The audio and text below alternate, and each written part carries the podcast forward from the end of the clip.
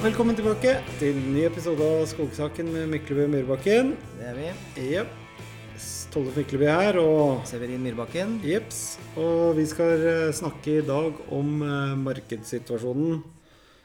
Eller om markedet for tømmer- og skogsprodukter.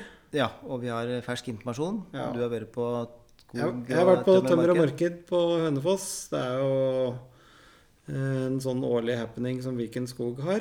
Ja. Og de inviterer masse kanoner og Ja, det er veldig bra arrangement. Men før det, Tollef, så Ja. er det noe jeg har lyst til å ta opp med deg. Jaha. Og det er den introen. Som du, det er du som har funnet på den. Du mener jingle? Jingle, ja. Det heter jingle. Ja. Eh, Den er litt for rocka. Er, er den i takt med skogbruket?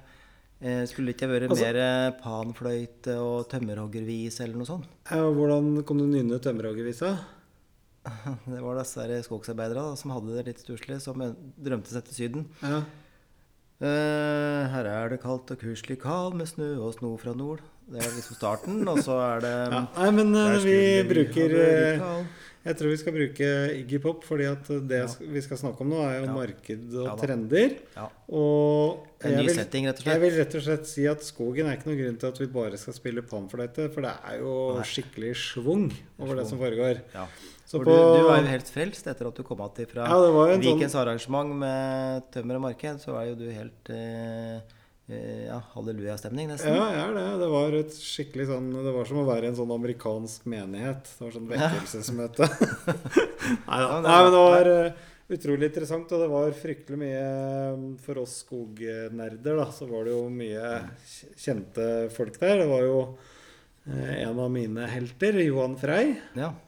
Han er jo da eh, sjef for eh, forretningsområdet skog i Danske Bank. ja, han har jeg hørt om eh, Ja. hele min karriere, faktisk. Ja, ja, han, er- han er en kanon. Og så Mm. var, var de fra DNB der. Han, eh, direktøren for samfunnskontakt, han Kai Martin Georgsen. Og så var jo Ove Gusvik der.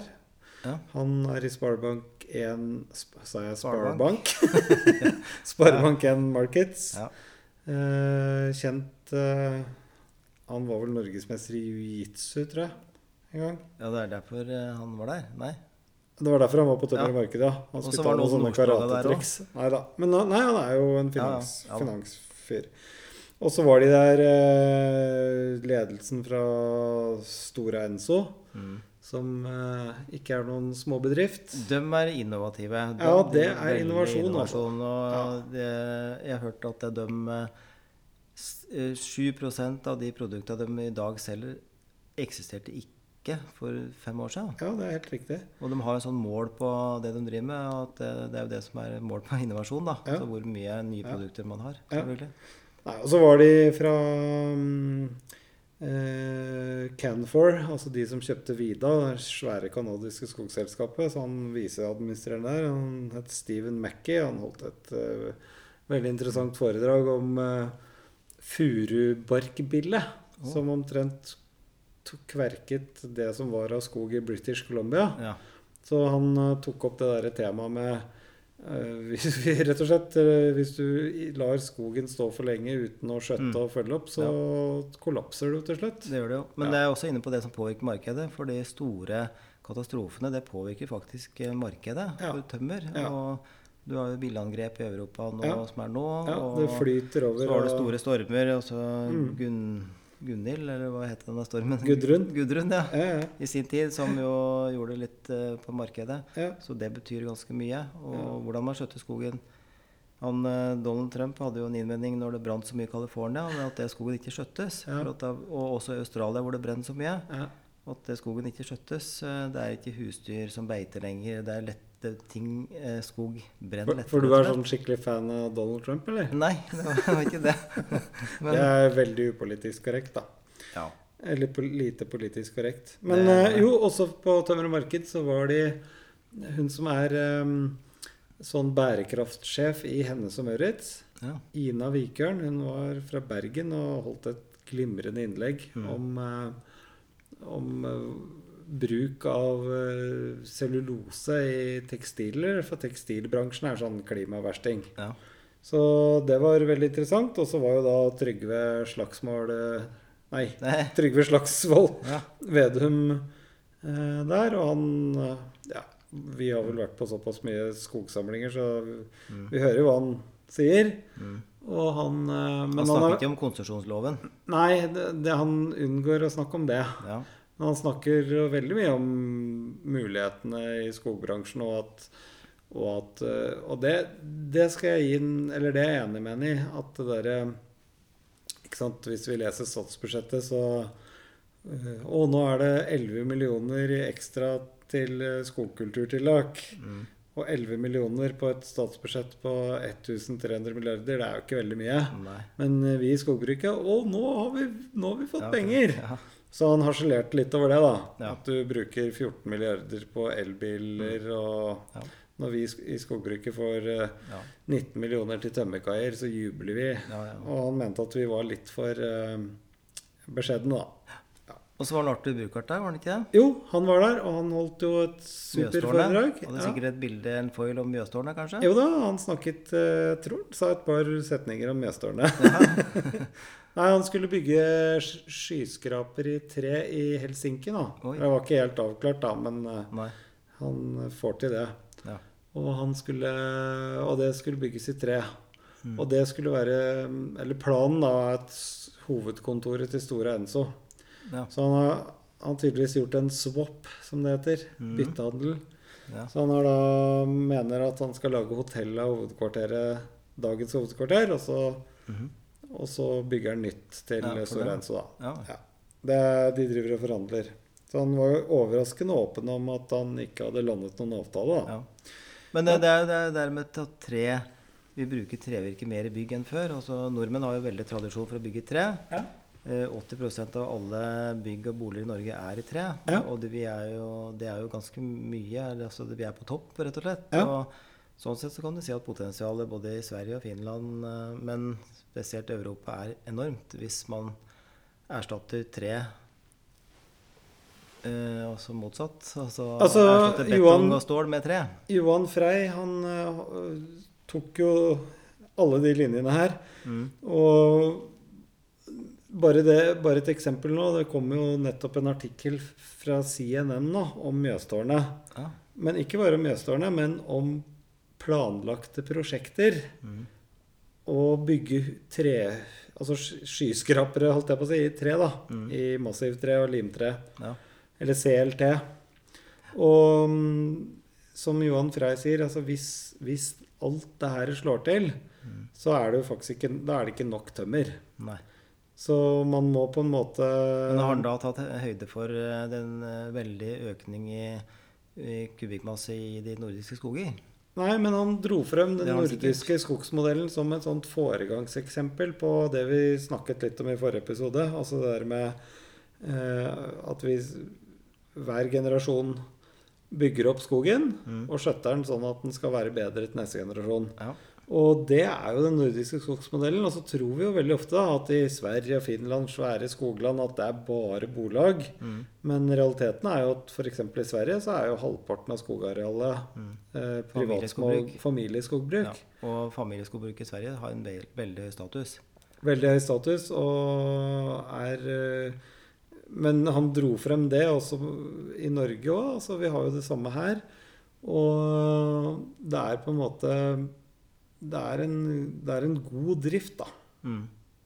Tross alt. Ja da, det er det. I Canada, for eksempel, da, så han uh, Mackey, han visesjefen i Canfor, han snakket om at der- er det 95 uh, Statlig. The Crown. Ja. Det er jo dronning Elisabeth som er Mm. overhodet. Nei, men det er statsskoger. Mm. Men det er ikke sånn at som i Norge, hvor vi har en statsskogsforetak som driver skogen. Det er staten som eier skogen, Ja. og så leier de ut lisenser. Mm. Så de er avhengig av avtaler med regjeringen om at ok, nå får de et område på størrelse med Hedmark, da, som de kan drive med i Mm. ti år eller noe sånt. da. Ja. Og det blir jo ikke noe langsiktig og Nei. Nei. Men uansett så er eh, skogbruket prisgitt eh, markedet og for, hva forbrukere vil ha. Ja. Og det er jo det som måte er tema nå. ja. Og nå er jo trenden Eller jeg vil ikke kalle det en trend heller, det er jo en realitet. Mm. At eh, flere og flere får øynene opp for eh, trevirkets positive egenskaper. Ja. Og da må vi jo innom klima og CO2. Ja, det må For vi. det er det som bærer det. Ja, og i tillegg til at alle bedrifter altså Vi husker jo det der Springer forlag fra Tyskland som krevde FSC-sertifisering. og det, det er jo 20 år siden. Mm. Og da var det veldig hot, øh, og det er det sikkert fortsatt. Men det, er, det synker inn, da. Mm. At det er flere og flere av øh, virkelig sånn storkapitalen og storindustrien som krever det. Ja. At du skal drive med nullutslipp Ja. og bærekraft. Og det er øh, Ja. bare Og, sånn forutsetning. og den nordiske skogen drives sånn. Så vi, Ja. vi driver bærekraftig. Ja. Og som han Johan Frey sa, han eh, tok for seg noen sånne globale megatrender. Og da var det, nevnte han trebygg i høyden, altså à la Mjøstårnet. Ja. Eh, finanssektoren kom, mener, Han mener at finanssektoren kommer til å påvirke skogbruket positivt. Mm. Fordi at eh, det er jo fryktelig lave renter, og det snakket vi litt om i forrige episode. Altså de der hedgefond og alt mulig, hvor skal de bruke pengene? De skal ut av olje og oljeservice Mm. og inn i grønne obligasjoner. Ja. Og det, det tok han frem. Og så tok han frem en annen, annen ting. Ja, det er, på svensk er det en, en teit virkestilgang. Mhm. Altså det er, det er konkurranse om, om Ja. Kommer til å bli konkurranse om tømmeret. ja. Og for oss to som er skogbrukere og skogeiere, så er jo det veldig gode nyheter. Det er, egentlig. det er jo det. Men uh, det er litt uh, todelt, akkurat det. Fordi at uh, vi snakker om da industrikapasitet. Ja. I Sverige har de bygd opp veldig industrikapasitet. Mm. Trenger mye tømmer. Mm. Og, og tømmerprisen er i stor grad styrt av det. Men til sjuende og sist så er det jo hva de får solgt sine produkter for, som gjelder. ja, det er det. Og da har du jo verdensøkonomien som spiller inn. Ja. Mm. Men, men da, men da bærekraft, eh, Bærekraftige produkter er det behov for. Men eh, spørsmålet er eh, om det er betalingsvillighet for det. Ja, men du så jo sånn som Billerud Korsnes, da. Han som var produktsjef der, tror jeg han var. Han var på Tømre Marked. Og han viste jo fram eh, nye flaskepatenten som de driver og tester på Carlsberg bryggerier. Ja. Så om eh, fem år så drikker du antageligvis når du sitter på påskefjellet og drikker en Carlsberg-pils i solveggen, Mm. så drikker du det kanskje, eller høyst sannsynlig, av en, eh, en flaske som er laget av trevirke. Og prototypen og Ja. alt er i Så de har testproduksjoner og alt på det. ja. Og poenget vet du, det er at det er så, det er så enorme volumer. Ja. Så selv om eh, det går dårlig i, eh, et eller annet land, så vil de er det fortsatt folk som drikker øl. Antageligvis. Dess dårligere det går, dess mer øl drikker de. si. Nei, men ikke sant? Så det er, Ja. det er et så utrolig bredt spekter. Men, men spørsmålet er likevel hvor mye kan du betale for det? Eh, Du kan godt lage det, og teknik, teknologien finnes. Ja. Men hvis de ikke betaler mer enn en tilsvarende slippris på 200 kroner, så er vi like langt. ja. Men eh, det, det vil jo da nødvendigvis eh, eh, Det er klart hvis, hvis det i morgen da ble 200 kroner for granslippen, Ja. da tror jeg faktisk veldig få ville hogd. ja, akkurat nå Ja. er det tilfellet. Ja, og da eh, er jo spørsmålet det, da. Ok, skal vi ha bruke plastposer og olje, eller skal vi bruke trevirke? Ja, men det er, det er plastposer og olje vi har brukt til nå. Ja. Og hvorfor skal den ikke Nei, fortsette men med det det? er jo Greta Thunberg-effekten, det, da. Ja. Ja. Men, eh, men Og det er den generasjonen som er kommer til å så. bestemme. Det er politisk eh, korrekt og alt sånn, men eh, hva kan Politisk korrekt, det er jo betale? sånn det er. Ja, det, er sånn er det, men hva likevel, da?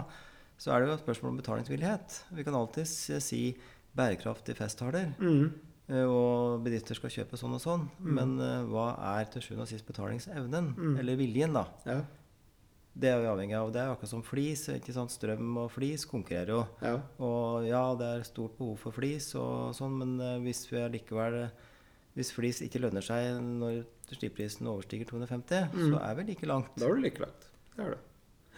Så du er rett og slett litt sånn eh, pessimist? Nei, men uh, det er noen spørsmål vi er veldig lett for å bli dratt med i tida med alt um, Ja, type festtaler og Mm.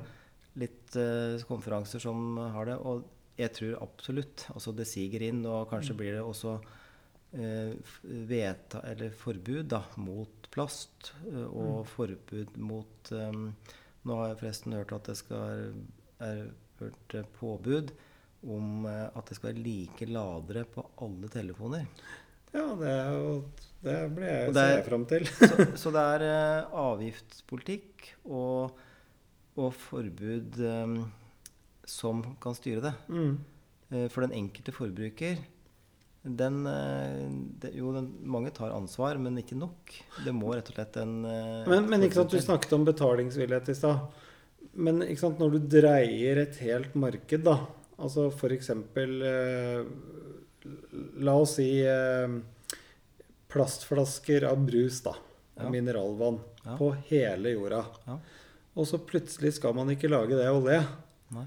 Altså Da er det ikke snakk om betalingsvillighet, for det er, det er så enormt volum, så det blir jo penger uansett for Stora Enso, det. Mm, ja. Så, og, og skal de da få tømmer, så må de betale Ja, jeg tør, ikke, å- jeg tør, ikke, å, jeg tør ikke å spå. Neida. Men jeg, jeg kunne godt tenkt meg eh, eh, Ove Gusvik, han er uh, i Sparebank1 Markets. Mm. Han er skogeier sjøl. Og han uh, var bl.a. rådgiver for Statskog da de kjøpte Orkla-skogene, altså Ja. Borregaardskogene. Ja.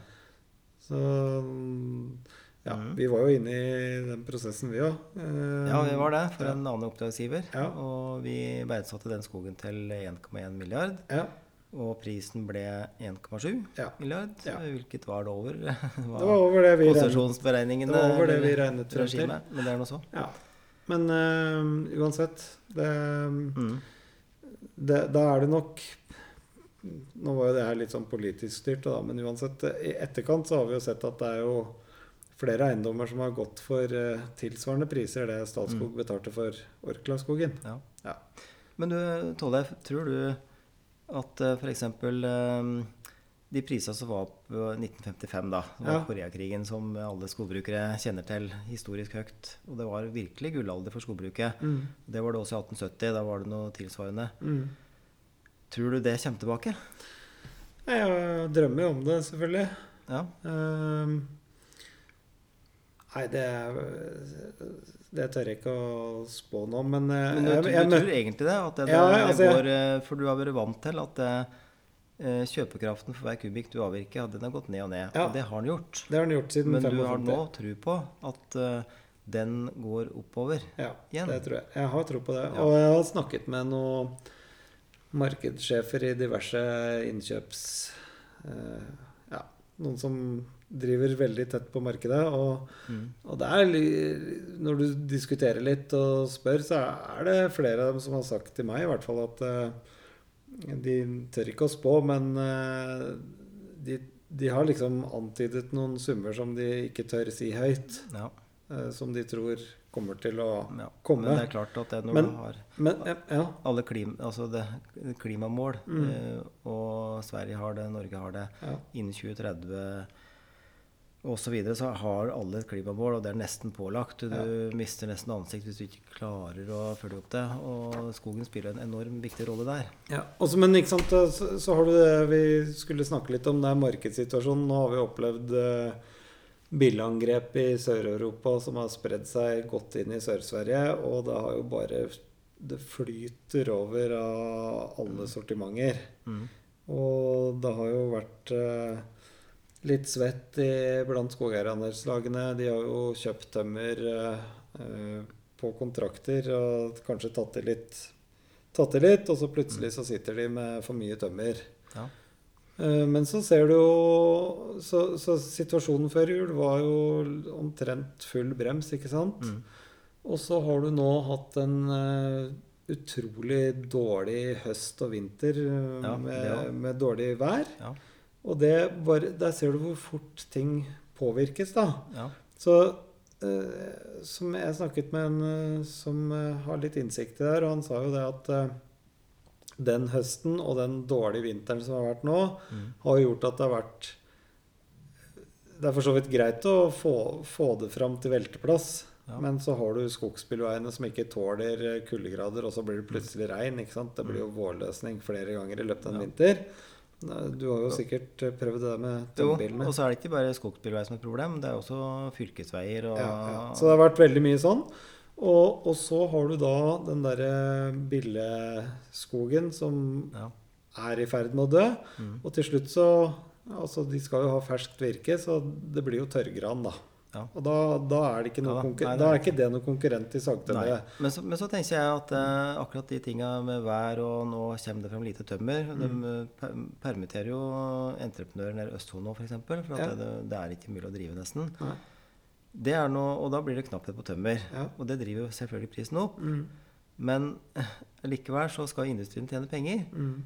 Så det er jo forbrukeren til sjuende og sist som er viktig oppi dette her. Ja, det er Og, det. og de trendene der er jo det som kan bære det. Hvis forbrukeren i Europa og hele verden er villig til å betale 50 høyere bare for å få et produkt som de kan stå inne for Mm.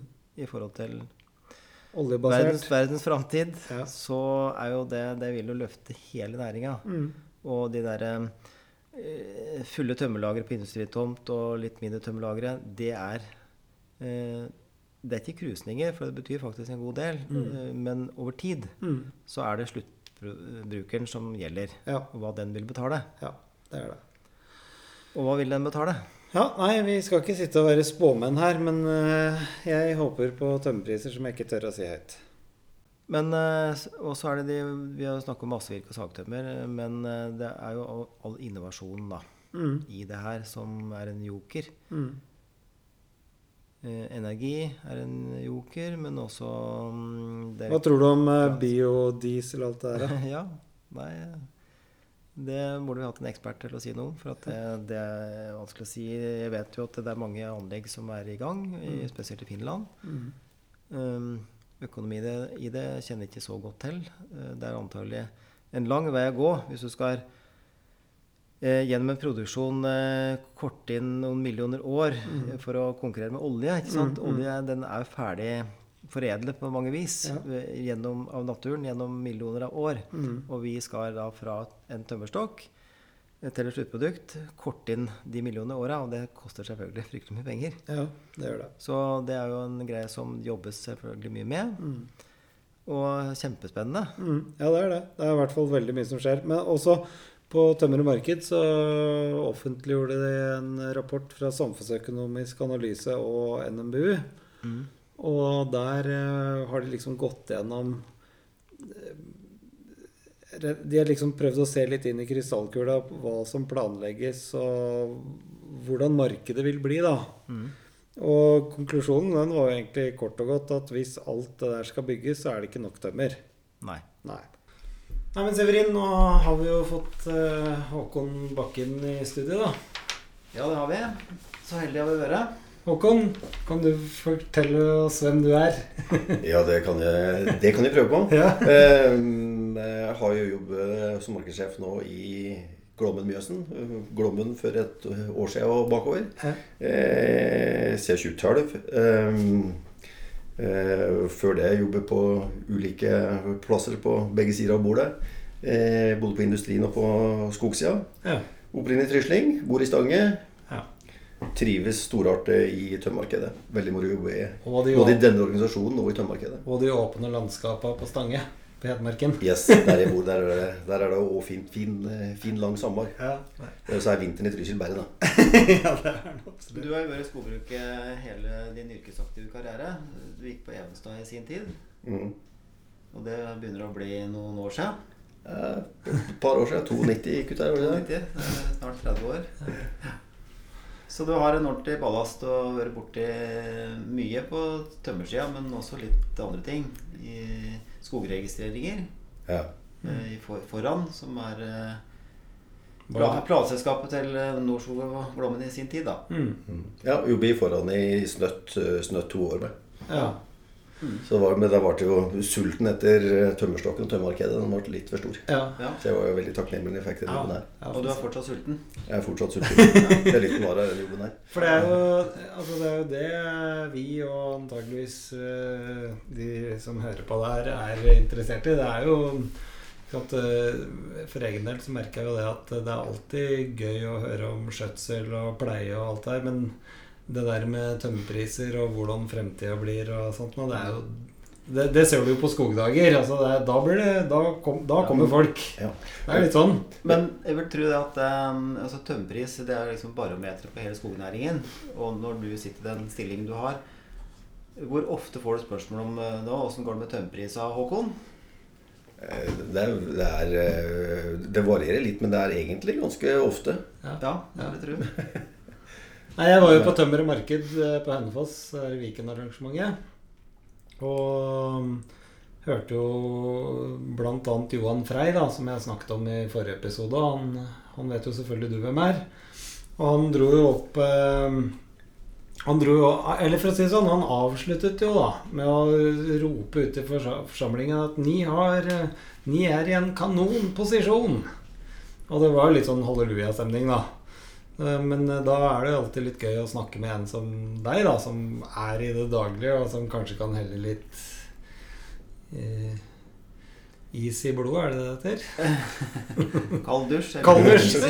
Bøye seg i hatten. ja, ja. Det kan være mange uttrykk, eh, det. For du sitter jo rett og slett midt i hjertet av skogbruket.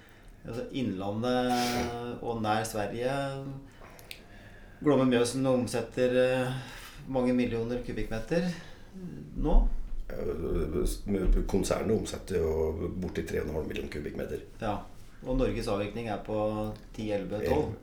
11 omtrent. Ja, nå. Ja, og det er jo det er en stor del. jo 35 Ja. Ja. Det er det. Du er god i prosentregning, du. Ja, utrolig god. Særlig når Det er det ti, når det er titall. Da, da får jeg det til. Ja, Men, eh, men Håkon, eh, du er jo den praktiske hverdagen din er jo at Altså, du har jo kontakt altså, Vi hører politikere som snakker om at vi eksporterer tømmer til Sverige og alt det der, men ikke sant? det her er jo hverdagen din. Altså, du, du kjenner gutta i Stora og ja. Kan du ikke fortelle litt om om eh, salgskanalen og hva Eller det folk lurer på nå, det er jo Det var jo en vanvittig trøkk her eh, i 2018, ikke sant? Eh, Tømmerbilene gikk jo det remmer og Eller hele apparatet gikk jo det remmer og tøy gikk, og så fikk vi jo en sånn Følte jeg da som skogeier en ganske kraftig oppbremsing nå i eh, høst. Høsten 19.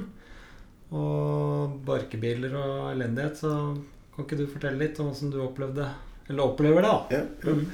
Nei, se, eh, Først og fremst da, så har vi i, i, i Glommen Mjøsen så har vi en salgsstrategi som i hovedsak går ut på lokalt salg. For det vi mener helt prinsipielt, eh, så er den industrien som har kortest transportavstand, altså lavest transportkostnader, har den høyeste betalingstiden for råstoffet. Og så er det selvsagt store forskjell på industrier. Både for sagbruk og treforedlingsindustrier. Eh, og sagbruk blir jo mer lokale, eh, for dem er det flere av. eh, og som vi har i den geografien som vi eh, driver skogbruket. Eh, eh, og det vil jo si at det er lenger unna skogen og trefredagsindustrien. Mm. Det vil si at liksom Karlstad-industrien for oss, det er jo hjemmemarked. Ja, det er Hjemmeindustri. Ja. Det er det. Og det- sier jo på Store Enso har jo definert eh, ja, gamle Østfold og Akershus fylker, da, Hedmark og deler av Oppland, som sin kjernegeografi for forsyning av industrien. Og det er klart Den forsyner sin egen fabrikk der og Billerud Korsnes sin, gruven, som til sammen bruker ca. 5 millioner kubikkmeter massevirke i året. Ja. Så vi er en del av Sverige. Vi er en del av, del av Sverige. Landegrensen er utviske. Helt, helt utviske. Eh, Og det er klart at det, her, er- det, det, er jo ikke, det er jo ikke tøll på, eh, på tømmer eller massevirke som går eh, ene eller andre veien over grensa. Eh, og vi definerer jo også de sagbruka som ligger i Sverige langs grensa, der tømmer går på bil fra Norge inn til Sverige. Det er lokal industri. Ja. Eh, og de har, de har en naturlig innkjøpsgeografi i Norge. Akkurat som en del av en norsk industri har en naturlig innkjøpsgeografi i Sverige. Eh, Så, det er, eh, så den grensa er kun pga. en eh, statistikk, og du må deklarere og fortølle. Men det er ingen tølleavgift på det. Det er bare for momsen sin del.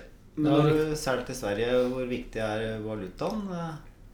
Er det, er det noe sentral eh, tema, liksom, eh, i det bildet dere driver i? Det, det er et sentralt tema. Det som er viktig for oss, det er jo at eh, vi kjøper jo Vi har alle våre kostnader i norske kroner i praksis. Mm. Og det er klart, i den grad vi skal selge en annen valuta, så må vi valutasikre oss. Eh, Det koster penger. Vi vil jo heller at eh, våre kunder skal ta den. Så i, i praksis så selger vi ca. 100 mot Sverige selger vi i norske kroner. Så får våre kunder ta valutarisikoen. Ja. Men for For eksempel vi, vi skal eh, drive med spekulasjon på valuta. Men det er jo mange aktører eh, i tømmermarkedet, og så er det jo noen sånne eksportkanaler til Tyskland f.eks. Eh, Er oppgjøret da i euro, eller? Er det norske kostnader i kroner og oppgjør i euro? Eh, Det, mm, det varierer litt. Eh, Vi, vi har jo Altså Det vi eksporterer, det er hovedsakelig til, til Sverige, men også en del til Tyskland. Og til Tyskland så har vi solgt både i euro og i norske kroner. Og både etter tysk og norsk måling. Så Ja. dette er en forhandlingssak Ja. i, til enhver tid. Det er ganske komplekse greier, egentlig. Men sånn sett så er det, er det bra tider nå. Det er uansett lettere når den norske kronen er svak. Så er det jo Uansett eh, hvordan man sikrer seg og ikke sikrer seg, så er det jo en høyere betalingsmulighet da i, fra utlandet. Mm, ja, det, det er det. Og, og det er klart at her er det etterspørsel. i De grove trekka i markedet er egentlig ganske De er ganske enkle i forhold til, eh, til markedsteori. Det er tilbud etterspørsel, altså. Det er det som gjelder. Ja. Du var inne på her, Tollef, eh, i, stad at eh, det som skjedde inn i 2018 Ja. Og da gikk jo, fikk jo plutselig altså Over lang tid så var det en veldig lav massevirkepris. Trøbbel med Vi hadde ikke avsetning på, på 100 Nei. Men det som egentlig skjedde, det var jo at det i Sør-Sverige, Baltikum, Nord-Tyskland, eh, så var det i løpet av 2017 veldig bløtt føre. Ja. Så de fikk ikke fram nok virke Nei. i de geografia. Samtidig som det var bygd opp en industri som forbrukte litt mer. Eh, og, og plutselig, det som var, begynte å nærme seg en normalbalanse, var plutselig en underbalanse av virkeforsyninga. Og det er det som skulle til. Da ble industrien veldig nervøs, for den ikke klarte å holde industrien i gang. For det var god etterspørsel, og prisa var på tur opp. Og så begynner den nervøsiteten, der de begynner å by over hverandre for å sikre seg det volumet. Og det er jo en veldig lykksalig situasjon for en tømmerselger. Eh, eh, og så pågikk jo den en, en periode, og den gikk jo så høyt så det der Jeg hadde jo ikke i min villeste fantasi trodd at vi skulle komme opp på det nivået som vi var på, hvis du hadde spurt meg i løpet av 2017 om det. Uh, Selv om man kanskje skulle håpe det. Ja, ja. Og så kommer man jo selvsagt ned igjen når man får en uh, balanse i markedet. da, Så man har nok volum. Nå er vi jo på andre sida, at det er nok både av sagtømmer og massevirke. Ja. Da går selvsagt prisene ned igjen. Ja. Vi må være friske Ja.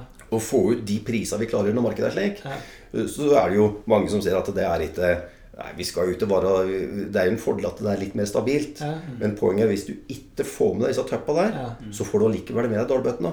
Ja. Så du må bare stå på med nebb og klør for Men- å få ut den siste krona på Men, tøppen. men jeg husker jeg hadde drift i Jeg lurer på om det kan ha vært i 2007, høsten 07, eller var det 8? Da, da opplevde jeg en sånn voldsom Da var det, føltes det som en litt sånn topp, og så eh, klappet det fullstendig sammen. Ja, det var finanskrisen, selvfølgelig. Ja. Og så Og da hadde jeg tynningsdrift gående. Og jeg hadde vel kontrahert 800 kubikk eller noe sånt nå. Og så da de hadde hogd eh, 799,8 kubikk, da dro, dro dem. Ja. Og da var de ikke ferdig med arealet som var skrevet kontrakt på. Altså da var det, da var det bråstopp, men det jeg opplevde da, det var jo at eh, da var det jo full stopp fordi det ikke var etterspørsel. Men det kanskje, det kan du kanskje kommentere, det er Akkurat nå er det jo en har det jo vært en brems, men det er jo ikke noe etterspørselsmangel. Nei, Nei det, er, det er helt riktig. Akkurat nå så er etterspørselen er, er, er forholdsvis god. Altså Hvis du er på ferdigvaremarkedet, er vi på trelast nå, så er jo etterspørselen god. Det er jo bare den overproduksjonen pga. billeangrepene i Mellom-Europa først og fremst, Ja. som har gjort at eh, lokal industri vil selvsagt ivareta det råstoffet før det blir tørrgran. Ja. Og da blir det veldig stort volum i markedet. Det skal ut. Ja, det skal ut. Eh, Det skal ut. og- På en og- gang. På en gang. Og, og da får du, da får du den, eh, den effekten der. Det er mange ting som påvirker eh, tømmermarkedet. Og det er jo det er helt um, altså Det er jo sluttbruker som betaler alt. ikke sant? De som kjøper trelast, og de som kjøper papir og kjøper alle sluttprodukter. Og den prisen på det er vel Ja, det er en verdensmarkedspris. Men så har du så er det toppa, da, som du prater på, som vi nå hadde i 2017 eller 2018, og så i 2007. Og så var det også tilsvarende i 1996, hvor plutselig tømmerprisen øker nesten med 10-20 kroner i måneden i en periode. Og så er det topp, og så blir det stopp.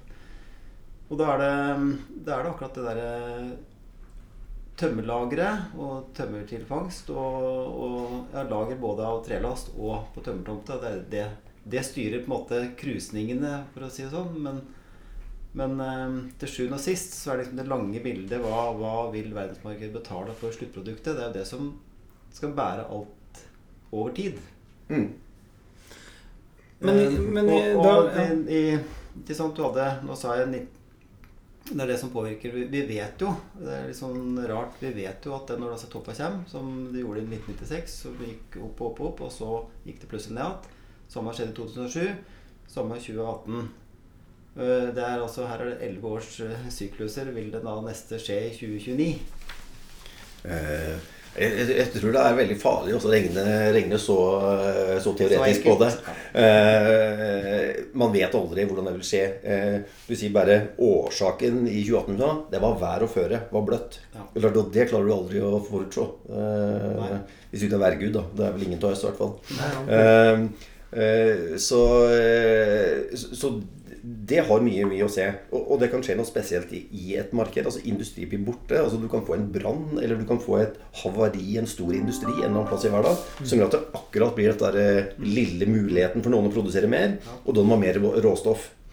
Men da skal alle skoger hogge òg, da. Når det tømmerprisen går opp og opp. Da skal alle kaste seg på å hogge. Ja. Og da blir det overkapasitet eh, Nei, underkapasitet på, på drift. Men eh, fulle tømmerlagre, det, det sier seg sjøl. Det vil jo bare skje. Mm det, det, det, vil hele tida butte når det blir for stor avvirkningsvilje. For vi, vi, vi, har jo en strikk i det produksjonsapparatet vi har med de entreprenørene. Du klarer ikke på kort sikt å etablere flere entreprenører så det monner noe. Er, du klarer ikke det i løpet av noen måneder. Eh, så man har den entreprenørkapasiteten man har. Og så er det snakk om at man kan utnytte den til 90% eller til 110 mm. Innafor der er kanskje det vi kan si er, er normalt. Men utover det så, så, så er, det, er, det, vanskelig. Og, og, det er klart at eh, Og utnytter vi mer og hvis man hadde klart det, så hadde vi jo enda fortere tatt uh, tuppen av markedet. Mm. Men ikke sant, Du snakker om billangrepet. da. Og alle vet jo at til slutt så blir det tørrgran. Og industrien vil jo ha ferskt virke. Mm. Så, og da snakker du jo om været, og det er det jo ingen som kan forutse. Annet enn at eh, ja, det er jo klimaendringer og sånn, men, men, det er forskjell på klima og vær. Eh, men eh, skulle det nå bli en kald vår og en kald sommer, og så blir det ikke noe oppblomstring av biller, da. Så du, at vi ikke får noe sånn billeangrep igjen. Og den, de gamle billeangrepene, det har jo da blitt tørrgran. Altså da, da vil det jo nødvendigvis antageligvis bli bli en økt etterspørsel igjen da, etter ferskt virke, eller? Mm. Ja, ja det, det, vil det høyst sannsynligvis gjøre. Mm. Fordi at eh, altså etterspørselen er bra. Man sier jo en, en, en, svak veksling over fra stål og betong til i større grad bygge, bygge tre. Mm. I forhold til CO2-fotavtrykket på å bygge i tre kontra stål og betong, det er omtrent 50 mm. i forhold til de to andre alternativene. Så det er jo det er jo en gavepakke for, for skogbruket og skogindustrien. Men han Johan Frey han sa jo det at uh, han pekte jo på noen sånne megatrender. Og, og, Samfunnsøkonomisk analyse har jo også lagd en sånn rapport nå, hvor de uh, på en måte analyserer alle sånne planlagte eller mulige scenarioer for å bygge opp industri. Og, og, de bygger ut i Sverige og Finland og alt det der. Så, men konklusjonen var at hvis alt der blir realisert, så er det ikke nok tømmer. Og for en skogbruker så høres jo det egentlig veldig fantastisk ut, da. Men da er du tilbake til det Severin sier, da. At det er jo kundens betalingsevne, eller vilje, som på en måte avgjør hva som blir tømmerprisen. Men spørsmålet mitt blir jo mer, da. Altså hvis hvis det blir nå mer eh, Var i Oslo på et møte i går, og da og på Helsfyr, og da driver de og bygger et sånt kontorbygg i massivtre, så jeg nå. Woodlife, eller et eller annet kalte de det. Ja. Og ikke sant Hvis man i byene begynner med sånne Arthur Burkhardt-skyskrapere à la Mjøstårnet altså, Det må jo bli noe enorme behov for eh, trevirke. Mm. Ja, det kjenner til å det kjenner til å bli. Eh, eh, men så er det spørsmål hvor, hvor fort dette går. Hvor, hvor, hvor raskt går den, den, fasen over fra stål og betong som bygger høyhus i, ja. til, mer, eh, til å bygge i, massivt tre. Ja. Eh, jeg er jo forundret over at det ikke har skjedd før. Ja. Altså, For 20 år siden så sa jeg at dette her kommer til å komme veldig fort. Mm. Det har de ikke gjort. Men 20 år er jo fort i vår bransje. Ja, det, det, er det. Det er det, det er for så vidt. Men ikke nødvendigvis i tømmermarkedet. Eh, så, så, det tar tid. Men at det sakte, men sikkert eh, vil, eh, vil gå i den retningen, det føler jeg meg ganske, ganske trygg på. Men her er vi jo avhengig av altså hvilke politiske virkemidler kommer rundt i de, i, i de vestlige landene først og fremst. Da, I forhold til å avgiftsbelegge stål, betong og plast og i forhold til treforedlingsprodukter. Men hvis uh, trelastprisen og celluloseprisen øker med 50% f.eks., da vil jo industrien uh, ha stor avsetning og lagra på det vi rev unna. Mm. Eh, hva skjer med tømmerprisen da? Uh, nei, altså tømmerprisen vil, vil, jo gå. Men, men, du er jo der altså, hvis, hvis, prisen øker for mye, da, da vil jo forbrukeren se etter substitutter. Mm. Altså, er det noe annet ja. vi kan berøre? Så, så det, liksom, det vokser jo ikke eh, altså, Jeg har klokkertru på skogbruk, skogindustri eh, og det fornybare materialet som trevirke er. Trefiber, om det er plank eller om det er cellulose. Mm. Det, det, har jeg klokkertru på. Mm. Men jeg skal være veldig forsiktig med å si at dette er Klondyke. Altså. Mm. Så de neste 30 åra er det Klondyke å være skogeier og selge tømmer. Det, det, tror jeg ikke eh, dessverre på. Jeg, jeg, tror vi skal være klar over at det nivået vi hadde på massevirke nå i 2018, og kanskje mest i første halvår 2019, mm. Eh, det kan hende lenge til vi får oppleve det. Mm. Samtidig håper jeg det virkelig lenge til vi får det samme massevirkenivået, prisnivået, som vi hadde i 2017 og bakover. Mm. Ja, så det vil liggende mellom der en plass. 220, 230, 250 kroner. Mm. Og så toppen på massevirke for halvannet år siden var vel eh, litt over 400.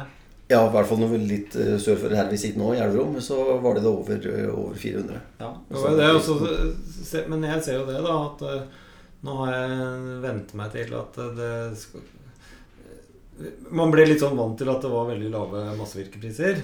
Mm. Men så jo, er det jo noe som heter driftspriser, da, som på en måte har blitt justert opp. Og det er klart, hvis massevirke gran plutselig skulle bli 200 fem kroner kubikken igjen. Mm.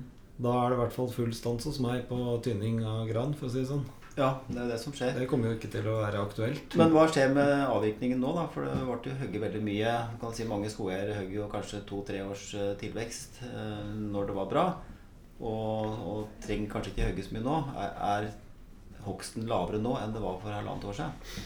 Eh, slik som det er nå, så er den eh, stort sett ganske, ganske normal. Nå varierer det litt fra geografia eh, innafor Glommen-Mjøsen.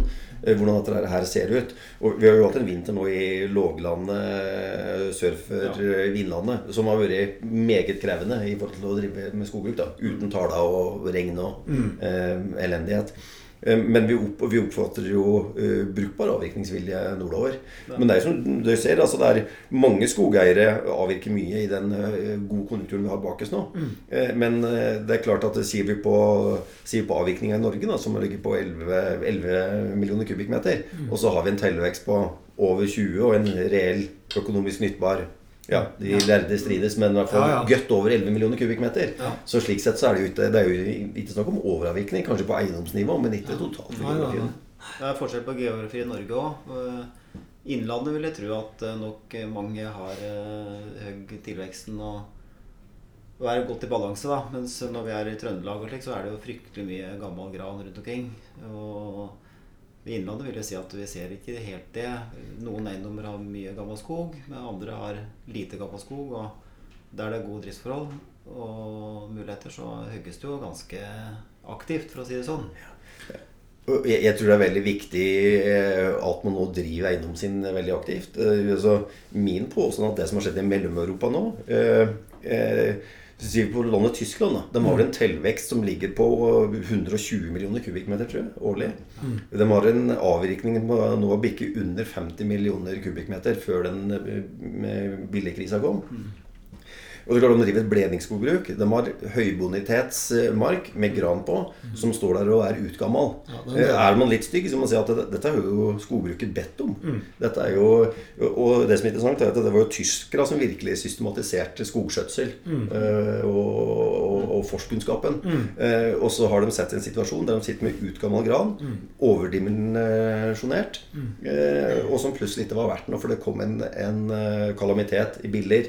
Eh, en annen ting kunne ha vært storm. Mm. Ja, ja. Hadde de avvirket dette her tidligere, eh, så ville man jo kunne ivaretatt eh, kvaliteten og hatt det fornuftig. Mm. Så det er eh, det bledningsskogbruket Det er en liten fallitterklæring for det. Mm. Det er en fallitterklæring for overholdelse av gran. Og det viser jo det som en Johan Frey var inne på, at det er den, sånn, den nordiske skog, eh, skogbruksmodellen Mm. i forhold til eh, på gran, høgstflater med en fornuftig størrelse, og sikre at man har en god måte å etablere fryngelsen på, Mm. det er, det er vinneren. Ja, kan du regne med sånne naturkatastrofer eh, i økende grad da, i forhold til hva vi er vant til? Eh, Og så, Vi hadde jo mange stormer og Gudrun, og nå har vi biller. og Man må nesten bare regne med da, at sånne ting kommer til å skje med ujevne mellomrom i framtida. Og det påvirker markedet veldig sterkt. Det, det, det vil gjøre. Og det er jo bestandig, det er bestandig slik. Altså med tilbud og etterspørsel fungerer jo så avgjort i tømmermarkedet. Og det er klart når du får eh, plutselig tilgang på, på store volumer, så skjer jo det det stemmer prisen.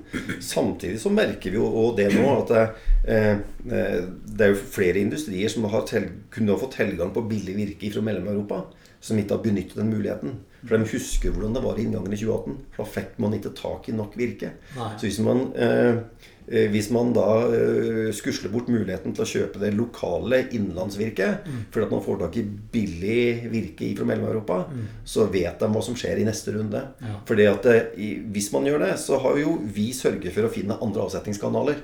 Og da er det jo ikke bare å komme tilbake og si at nei, nå vil vi kjøpe igjen. For da er det inne, ligger det på en båtstreng eller en togstreng. det. Ja. Eh, og da må man betale overpris for å kjøpe tilbake igjen. Ja. Så det kan være dyrt å handle billig i, slike perioder. Men at det påvirker markedet, ja, det gjør det. Men Severin, vi driver jo med, som du vet, da, med verdsetting av skog over hele, hele Norge, egentlig. Og da er det jo det Vi skal jo på en måte være litt spåmenn, da. For vi skal når du beregner eh, verdsetter en eiendom i den ene eller andre sammenhengen, så må du jo legge til grunn ja, en rente, for det første, men også en pris. Og, og det er jo på en måte faste priser som skal vare noen år. Ja, det er jo en tømmerpris som skal gjelde for all framtid. Det er jo det. Altså, vi, vi regner jo i faste priser. Ja, det er det. Men uh, hva skal du ta utgangspunkt i? Skal du ta utgangspunkt i hva du tror om tømmerprisen om 10-20 år? Mm. Eller uh, dagens pris? Så det, det er bestandig den store diskusjonen. Jeg ser litt bakover, og så ser jeg litt framover. Ja, Mm. men det, det vi kan eh, Det vi hører da, Håkon, det er det er en eh, ingen Klondyke. Altså Alle snakker jo nå om at eh, treprodukter har en renessanse. Og det, det tror vi på. Men at det vil være en, eh, en sånn forsiktig økning, på en måte. Temporære topper og bunner. Men at det over tid vil være gå sin gang. Det vil jo være et sug i tømmermarkedet. Industrikapasiteten bygges ut. Så det vil jo være behov for det. Og så kommer det sånne forstyrrende ting som stormer og værforhold med forhold til om du får fram tømmer. Eh, og sånne små krusninger vil det da forstyrre det bildet, men i det lange bildet så er det en forsiktig optimisme, da, som vi hører fra deg. Ja, ja, men det er riktig. Det er, det er en forsiktig optimisme. Eh, og jeg skulle gjerne, jeg skulle gjerne sagt at det kommer til å bli vanvittig himmelske tømmerpriser framover. Men jeg tror dessverre historia viser at det kan ikke se Eller hvis jeg ser det, så blir det feil. Ja, og så svinger det. Eh, Så svinger det. det. Det svinger, og det svinger fort. Og du sier jo bare på nå Siden 1960 nå så har jo verdens forbruk av trelast økt med nærmere 100 Ja. Ja. Eh, Og, og, og den realprisen har sunket. Yes, den, og den har, den har dødd i. Eh, så det, har jo, det viser jo det at Én ting er at vi skulle fått høyest mulig pris, men hva er det eh, hva er det skogeieren i Nord-Europa er villig til å avvirke skogen sin for? Ja. Det, øh, og noen er avhengig av øh, inntekt fra skogen, noen er det ikke. Mm. Den som ikke er avhengig av dem, kan vente. De som er avhengig av øh, det, må hogge mer, mer, på lave priser. Ja. Tar vi Sverige, som har mye bolagsskog, i Tyskland har mye offentlig skog altså, mm. Det, det, er forskjellige Og industri som eier sin egen skog. Ja, ja, Så du, du har jo mange innfallsvinkler til, til, å hogge. Men vi må jo også huske på den generelle prisstigningen i samfunnet. For det er jo hva du kan kjøpe for en kubikk med tømmer som egentlig gjelder. Og i Elverum eh, kommune i år 2000 så hadde vi en gjennomsnittlig tømmerpris på 317 kroner. Og det vil vi nå i dag synes er veldig lavt. Og i 2018 så var den på 446, og det syns vi var kjempebra. Men eh, konsumprisindeksen var på 1,44 i den perioden, eller er, er, det. Og Det betyr at eh, kjøpekraften for 317 kroner kubikken i Elverum i år 2000 er helt lik eh, kjøpekraften med 446 kroner i 2018. Så vi, vi har på en måte litt det der nominelle priser i huet, da. Vi må jo i bunnen Skal vi være konkurransedyktige med resten av samfunnet, så må, må tømmerprisen øke med mm. ja, la oss si 2% eller 2,5 eller 1,8 eller hva det er for noe akkurat nå. Mm. Framover. Så vi, vi kan vel sånn sett si at vi ser eh, Hvis vi kommer ned til 205 kroner kubikken på massevirke gran igjen, så er det enda dårligere enn det har vært før. Mm. I så fall. Mm. Ja, men det er riktig. Det er riktig. Eh, og det er klart, Dette er, eh, er jo så avgjort en utfordring når man begynner å, å, dra inn den biten der. Samtidig så sier vi det at det tar den gamle eh, bledningshøgen i skogen, da, naturskogen som vi kaller den, mm. som vi nå har erstattet med kulturskog, mm. så sier jo det i forhold til arealavkastningen. Én ting er jo kubikken, men det står kanskje gjerne dobbelt så stort volum per arealenhet ja. Eh, på, på, kulturskog eh, som skal sluttavvirkes, mm. kontra den gamle skogen. Mm. Så, det er, så, på det første omløpet så har du den effekten. Det får du kanskje ikke nødvendigvis i så stor grad på andre omløpet. Uh, Selv om du kan få noe foredling av planter som gjør at det vokser litt, litt, raskere og litt bedre, mm. så får du ikke den store, den store, effekten. Så den er jo utfordring, det. Uh, men vi har likevel tilbake til hva er det den gjennomsnittlig skogeier i Nord-Europa er villig til å avvirke før. Ja. Og må man, eller kan man? Ja, nemlig. Jeg tror, nesten, tror nesten det var eh, dagens beste kommentar, ja.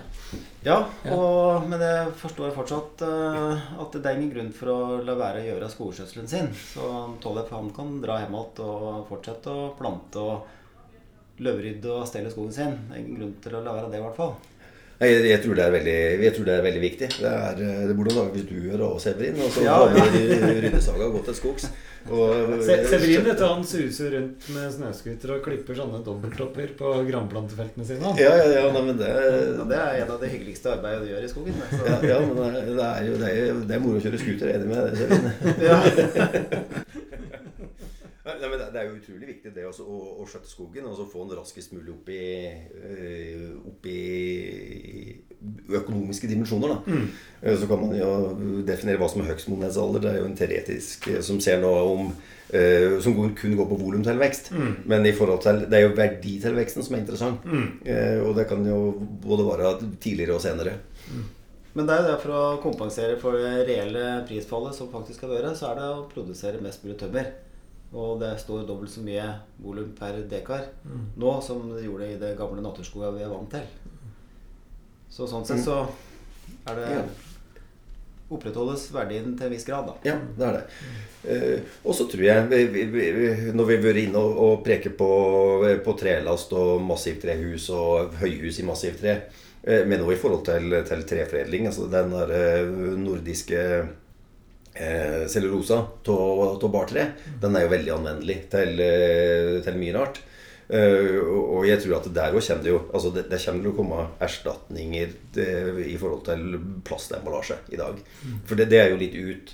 Og så skjer det jo heller ikke noe med den plastemballasje hvis man ikke legger noen avgifter på det i, i, forskjellige land. Mm. Uh, men, men, det er klart at det ligger jo Eh, det er jo det eh, nordiske, den nordiske internasjonale treforedlingsindustrien har sett. At her er det, ligger det muligheter. Og, og, det er klart at det, det som er interessant i litt like, tiårsperspektiv da. Går vi ti år tilbake, så sa jo svensk og finsk storindustri at det er all treforedlingskapasitet blir i framtida bygd i Sør-Amerika og Asia. For det er for dyrt å drive i, i, i Norden. Så gikk det noen få år. Eh, så var det de samme selskapene. Dem, eh, altså Fra 2016 til 2018 så tror jeg 55% av verdens nye kapasitet innenfor cellulose den kom i Sverige og Finland. Mm. Hvorfor det? Hvorfor snudde det så fort? Her, her tror jeg det har mye med Man har diverse erfaringer på å etablere fabrikker i land der det er politisk eh, ustabilt, det er politisk vanskelig. Det er mange som prøver å stikke kjepper i hjul. Det er mange som skal ha en bit av kaka. Man sliter med bestikkelser og elendighet, som gjør at man går tilbake, sammen med den eh, nordiske eh, Bartes unike egenskaper på, på cellulosefiberen. Så, så jeg tror der òg kommer til å komme av veldig, eh, veldig stor produktutvikling.